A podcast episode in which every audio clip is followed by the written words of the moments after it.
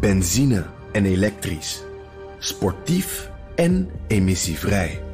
In een Audi plug-in hybride vindt u het allemaal. Ervaar de A6, Q5, Q7 en Q8 standaard met quattro vierwielaandrijving. Wat u ook zoekt, u vindt het in een Audi. Audi. Voorsprong door techniek.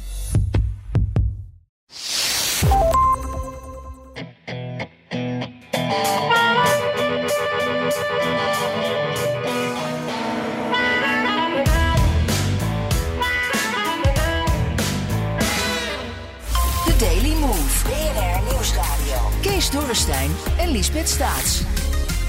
Volgende week, 8 november, gaan de Amerikanen weer naar de stembus voor de tussentijdse congresverkiezingen, oftewel de midterms. Het zijn de eerste verkiezingen sinds de bestorming van het Capitool. En de Democraten en Republikeinen staan meer dan ooit lijnrecht tegenover elkaar. Politici uit alle hoeken mengen zich volop in de campagne, zoals bijvoorbeeld oud-presidentskandidaat Bernie Sanders. These are not normal times. This is not a normal midterm election. This is the most important midterm election in the modern history of our country because we are taking on a political party, the Republicans, who literally are trying to undermine American democracy. Nou, over die eh, democratie eh, straks meer. Eerst, zoals bekend, de Amerikanen stemmen volgende week niet voor een nieuwe president in het Witte Huis, maar wel voor zetels in het congres. Dat bestaat uit de Senaat en het Huis van Afgevaardigden. Wat staat er allemaal op het spel? Dat gaan we bespreken met het gouden duo van de Amerika-podcast op BNR. Amerika-correspondent Jan Postma en buitenlandcommentator Bernard Hammelburg. Welkom allebei. Hallo. Ja, dank. Jan, als jij zo'n dag eh, het nieuws volgt hè, bij jou, wat zijn dan de grootste issues die spelen voor deze midterms? Ja, eh, als je het nieuws volgt, dan, dan hangt het er even vanaf wel, op welke zender je afstemt, of welke krant je leest, of naar wie je luistert. Eh, want er zijn twee hele verschillende verhalen daar. Als je naar, eh, meer naar CNN zou kijken, of naar MSNBC, of naar Democraten zou luisteren. Ik, ik hang dit allemaal eventjes zo aan, plaats ik allemaal even in hetzelfde kamp. Ja. dan gaat het over abortus, dan gaat het over het beschermen van de democratie. eigenlijk een beetje Amerika beschermen tegen Trump.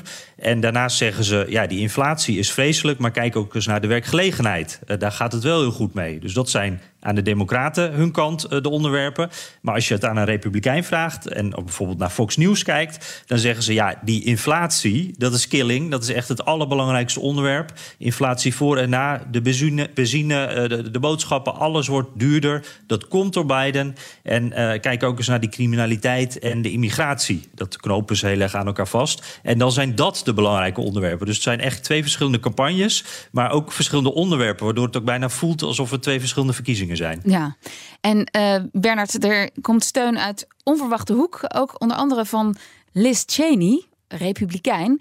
Die uh, riep de kiezers op om volgende week op de Democraten te stemmen. This is, by the way, the first time I have ever campaigned for a Democrat.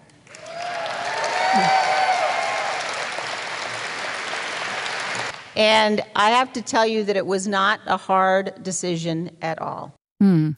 Het was geen moeilijke beslissing. Nee, maar ze. het is wel een. Ik vind het wel een beetje een metafoor. Het is goed dat je dit stukje hebt uitgezocht, vind ik. Het is een metafoor voor wat zich afspeelt in, uh, in Amerika. Omdat deze vrouw is de verpersoonlijking van de Republikeinse Partij. Toen de Republikeinse Partij nog een gewone partij was, zou Ja. ik maar zeggen. Ze is, ze is de dochter van Dick Cheney. Nou, de pro- prominenter heb je ze bijna niet in die partij. Een hele rechtse eh, Dame? flank. Ja, zij ook. Ehm, en ze heeft om principiële redenen, echt omdat ze vond dat ze niet anders kon voor de geweten, zal ik maar zeggen, meegestemd met die impeachment-procedures tegen Trump. En is daardoor eigenlijk, ja, eh, ze, kon, ze is gekozen, dus je kunt er niet de Kamer uitflikkeren, zo gezegd. Maar ze, ze, is wel, ze hebben er wel al de functies ontnomen. En uiteindelijk is zij dan ook terechtgekomen in die onderzoekscommissie voor 6 januari als vicevoorzitter. En het is een, een absurditeit. Ze heeft er daar geweldig gedragen. Ja. Ehm, en ze zegt ook steeds hetzelfde. Ik, ik, ik, ik, eh, dit- ik doe het met bloedend hart, maar ik moet wel de waarheid steunen. En ik En- ben ja. gekozen in dit ambt om dat te doen. Dus ze neemt dat heel hoog. En daarmee is ze. ja, het is een beetje, een beetje Shakespeare-achtige situatie, vind ik. Haar. Dit is een vrouwelijke Hamlet, een beetje. Ja, de keuze, een Ja, ja, ja, de dilemma. some- something is rotten in the state of America. Dat spreekt een beetje uit haar. Ja. Ehm, en eh, ja, kun, je, kun je ook zeggen, de, de, verhoudingen staan zo op scherp. En sinds die eh, kapitoolbestorming zijn dit de eerste verkiezingen. Is dit ook een soort stresstest voor de democratie? Ja, dat, dat, dat zou je kunnen zeggen. Ehm, ik kijk ook naar andere dingen en Jan ook, dat weet ik. Want we, zoals je zegt, we hebben het er heel veel over in de Amerika-podcast. Ehm, waar ik op dit mo- moment bijvoorbeeld naar kijk, is er is een verhaal dat er ongeveer 100 kandidaten eh, nu al zeggen dat ze de, de uitslag zullen aanvechten. Of in elk geval niet zomaar gaan geloven. Dat is dus wat ze noemen het playbook van Trump Ja, als zoiets gebeurt in, in, een, in, een, eh, in een huis van afgevaardigden waar 435 leden worden gekozen, en het zijn er zoveel, ja, dan schrik ik me helemaal rot. Dus in die zin kun je zeggen, ja, dit is toch wel een beetje een lakmoesproef voor de democratie. voor de democratie. Ja, en Jan, ja, we kunnen in ieder geval veilig stellen dat, dat er ja, heel veel wantrouwen is aan beide kanten. Ja, zeker. Eh, en ik moet wel zeggen, als je kijkt naar wat Bernard eh, net eh, omschrijft... die kandidaten die al zeggen van... nee, ik ga die uitslag niet erkennen, tenzij ik win... is dan meestal Ja. toch wel een impliciete boodschap daarbij. Dat is echt vooral aan de republikeinse kant. En de laatste tijd, nou, ik ben veel op reis geweest... veel met mensen gesproken, ook veel met republikeinen. En wat me dan steeds opvalt... heel vaak krijg je dan terug die verhalen van Trump... over verkiezingsfraude bij de laatste presidentsverkiezingen. Die geloven ze dan. Eh, daar staan ze echt vol achter. Eh, zien daar echt een heel groot complot in. eh, van, de politiek, maar ook de media. Eigenlijk van iedereen om Trump tegen te houden. Er zit ook een soort deep state achter. Iedereen doet daar aan mee. Ehm, en en dat, is een, dat zijn niet alle republikeinen, maar dat is wel het groepje van de, de republikeinen wat je het meeste hoort. De- Ja. Die het hardste schreeuwen, als het ware. En die je ook bijvoorbeeld op Fox News veel terug hoort, waar heel veel mensen naar kijken. Ja. En eh, dat werkt door naar deze verkiezingen. Eh, wat Bernard zegt, eh, dat gaat, geldt voor kandidaten. Maar je hebt bijvoorbeeld ook mensen in bepaalde staten, in Arizona bijvoorbeeld, waar ze stembussen in de gaten houden. Want ze zijn bang dat daar s'nachts dingen gebeuren die niet kloppen. Ja. En het werkt ook door naar 2024. Want als die kandidaten die nu zeggen: ik herken die uitslag niet, als die nou straks die verkiezingen winnen. En eh, dan in 2024 met de presidentsverkiezingen het voor eh, het zeggen hebben. Ja, wat gaat er dan in zo'n staat gebeuren? Als die, die veiligheidsdingetjes die waren ingebouwd, als die er dan niet meer zijn, omdat daar nu Trump-getrouwen zitten. Dus En- het is echt wel gevaarlijk. En over die democratie gesproken, Biden heeft inmiddels aangekondigd vanavond een grote toespraak over de democratie te gaan houden. Wat verwacht jij daarvan?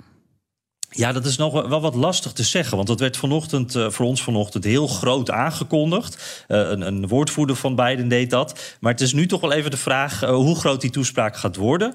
Hij, hij gaat het doen bij Capitol Hill. En in eerste instantie denk je dan van... oh, dat is bij het Capitool, belangrijke symbolische plek. Dat wordt iets groots. Maar er zijn nog steeds niet meer details over naar buiten gekomen. Dus ik ben eigenlijk wel een beetje benieuwd of het inderdaad zo'n grote speech wordt. Of dat het toch ietsje kleiner wordt. Maar in ieder geval, hij gaat het hebben, hoe groot het ook wordt, hij gaat het hebben over de toekomst van de democratie, de gevaren voor de democratie, dus eigenlijk de dingen waar wij het net over hadden.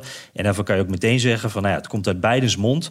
Dus die republikeinen, die zullen die boodschap, eh, die zullen daar niet naar luisteren. Het wordt vooral weer preken voor eigen parochie. daarbij. Ja. Ja, ik, ik denk ook, waar die ook staat, hè, toen Jan en ik het er straks over hadden, hadden we eerst nog de hoop dat het een soort State of the Union zou worden, weet je wel? Met veel tamtam en het hele congres opgeroepen. Dat is het niet. Als hij dat had gedaan, dan was waarschijnlijk de halve zaal leeg gebleven, want de Republikeinen komen gewoon niet. En nu denk ik, bij deze toespraak, ergens in dat Capitol Ja. Hill, dat is een beetje een dorpje hè, dat op een heuvel ligt. ehm, daar zal die. eh, daar zullen ook waarschijnlijk alleen. Er staat alleen maar klapvee om hem heen. Dus dat, dat, dat ziet iedereen. Eh, en, en het werkt averechts. Dat, Ja. Daar ben ik bang voor. Maar en hij heeft, hij heeft eh, toch, hij kan wel wat goede PR gebruiken. Hij staat er in de approval ratings niet heel goed voor. Deze verkiezingen, deze midterms gaan niet over de nieuwe president, maar het is wel een soort populariteitspol, een soort referendum. Ja, moet je, aan Jan moet je, bij- je moet bij Jan wezen voor de cijfers. Dat hebben we afgesproken. ja, wat, wat- Maar goed, we kunnen zeggen dat, dat, Nee, dat hij niet. maar hoe staat hij, eh, Jan, op dit moment? Waar staat de Ja, barometer? hij staat er heel slecht voor. En het is eigenlijk, je kan het vergelijken als je de gemiddeldes bij elkaar pakt met ongeveer hoe uh, Donald Trump er rond deze tijd in zijn presidentschap uh, voor stond. Oké. Toen zeiden we ook altijd van nou, slechter kan bijna niet. Nou, op dat punt staat Biden ook zo ongeveer. Ja, maar zijn, er zijn toch ook wel een paar dingen die wel goed gegaan zijn. Die klimaatdeal, dat pakket. Ja, zeker. Ik, ik denk ook wel, uh, dat hoor je ook bij wel wat gematigde kiezers, maar vooral ook bij democraten natuurlijk terug. Die, die, die kijken ook wel naar de dingen die wel goed zijn gegaan. Uh, hij heeft ook dat grote corona-hulppakket doorgekregen, dat grote infrastructuurplan. Uh, echt miljardenplannen, echt grote dingen zijn dat. maar dat raakt toch wat ondergesneeuwd. Dan hebben we toch wat meer over de frictie die er binnen de Democratische Partij over was. En over hm. hoeveel moeite het kost om het erdoor te krijgen. En ja, de, de, die inflatie, daar gaat gewoon heel veel aandacht naar uit. En dan kan je zeggen, van, ja, is dat nou wel allemaal bij de schuld? He, die oorlog in Oekraïne, uh, problemen in, in de, de, de supply chain, uh, de nasleep van corona, zijn allemaal dingen die wereldwijd ook spelen. Maar uh, ja, Biden is als president natuurlijk wel eindverantwoordelijk. Dus zo kijken kiezers daar wel naar. Ja, en uh, Bernard, ja, dit gaat dus niet over de nieuwe president. Maar de macht kan wel verschuiven met deze verkiezingen. Jazeker. Hoe zit dat ook alweer? Jazeker. Nou ja, de, de, de, bij deze verkiezingen... De, in de eerste plaats wordt heel veel gekozen. Het gaat niet alleen om het congres, maar ook alle staten hebben ook allemaal parlementen. Wordt ook allemaal op dezelfde dag gekozen. En nog een heleboel andere functionarissen. Maar landelijk gaat het om het Huis van Afgevaardigden. Alle 435 leden van het huis worden gekozen, elke twee jaar. Um, en uh, een derde van de Senaat, want senatoren, dat zijn er honderd, die worden voor zes jaar gekozen. En, maar dat gaat in plukjes van. Oh ja, een soort uh, roulatie. Van, van ja. 33 procent elk jaar. Dus zijn er nu, het zouden er 34 zijn, maar het worden er 35, omdat er eentje binnen is geschoven in, in plaats van iemand die zich ja. terugtrekt. Maar nu maar hebben de Democraten daar nog de meerderheid. Nu hebben de Democraten in, in, de, in het Huis van Afgevaardigden uh, de meerderheid. Tamelijk krap, maar wel. Een, uh, en de kans is heel groot dat ze die verliezen. Uh, dat heeft niet alleen maar met Biden te maken hoor. Dat is ook gewoon statistisch zo. Een, een, president verliest na de eerste twee jaar altijd. Zijn partij verliest altijd een beetje. En die marge is niet zo groot. Dus daar gaan ze waarschijnlijk onderuit. De grote vraag is wat er gebeurt in de Senaat. En dat is heel spannend, want die is nu 50-50. Uh, als je tenminste Bernie Sanders, die onafhankelijk is, meerekent bij de Democraten, doen we meestal gemakshalve. En dan is de voorzitter, dat is Kamala Harris, de vicepresident, ja. die kan dan de doorslag geven. Dan heb je 51 tegen 50. Maar nu is het heel ingewikkeld. En om één voorbeeld te geven, er is een, een, een, een, een senaatskandidaat in Utah. En die is net als Bernie Sanders uh, onafhankelijk. Maar die heeft al van tevoren gezegd: als ik win, ga ik mij niet binden aan een van de twee partijen. Oei, denk ik dan, dat is gevaarlijk. Want de Democraten denken, ja, maar je moet wel met ons meedoen als puntje bij paaltje ja. komt. Dat wil hij niet toezeggen. Ja. Dus zo zie je hoe klein die strijd die kan marge worden. Is... Die marge gaat worden als je kijkt naar dat land van 343 miljoen inwoners. Uiteindelijk gaat het misschien om één meneer in Utah die wel of niet mee wil stemmen met de Democraten. Maar uiteindelijk betekent het wel iets voor de macht van Biden. Want als hij de meerderheid verliest, dan gaan zijn wetten ja, met enorme hindernissen er doorheen komen. Of helemaal niet. We moeten het hierbij laten, maar jullie praten vast door in de Amerika-podcast. Dank jullie wel. Buitenlandcommentator Bernard Hammelburg en Amerika-correspondent Jan Postma.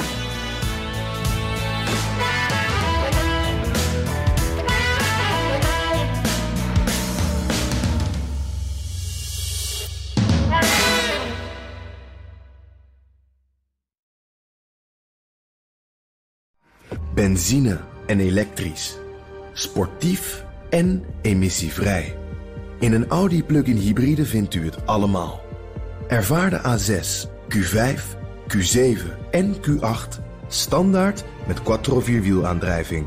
Wat u ook zoekt, u vindt het in een Audi. Audi. Voorsprong door techniek.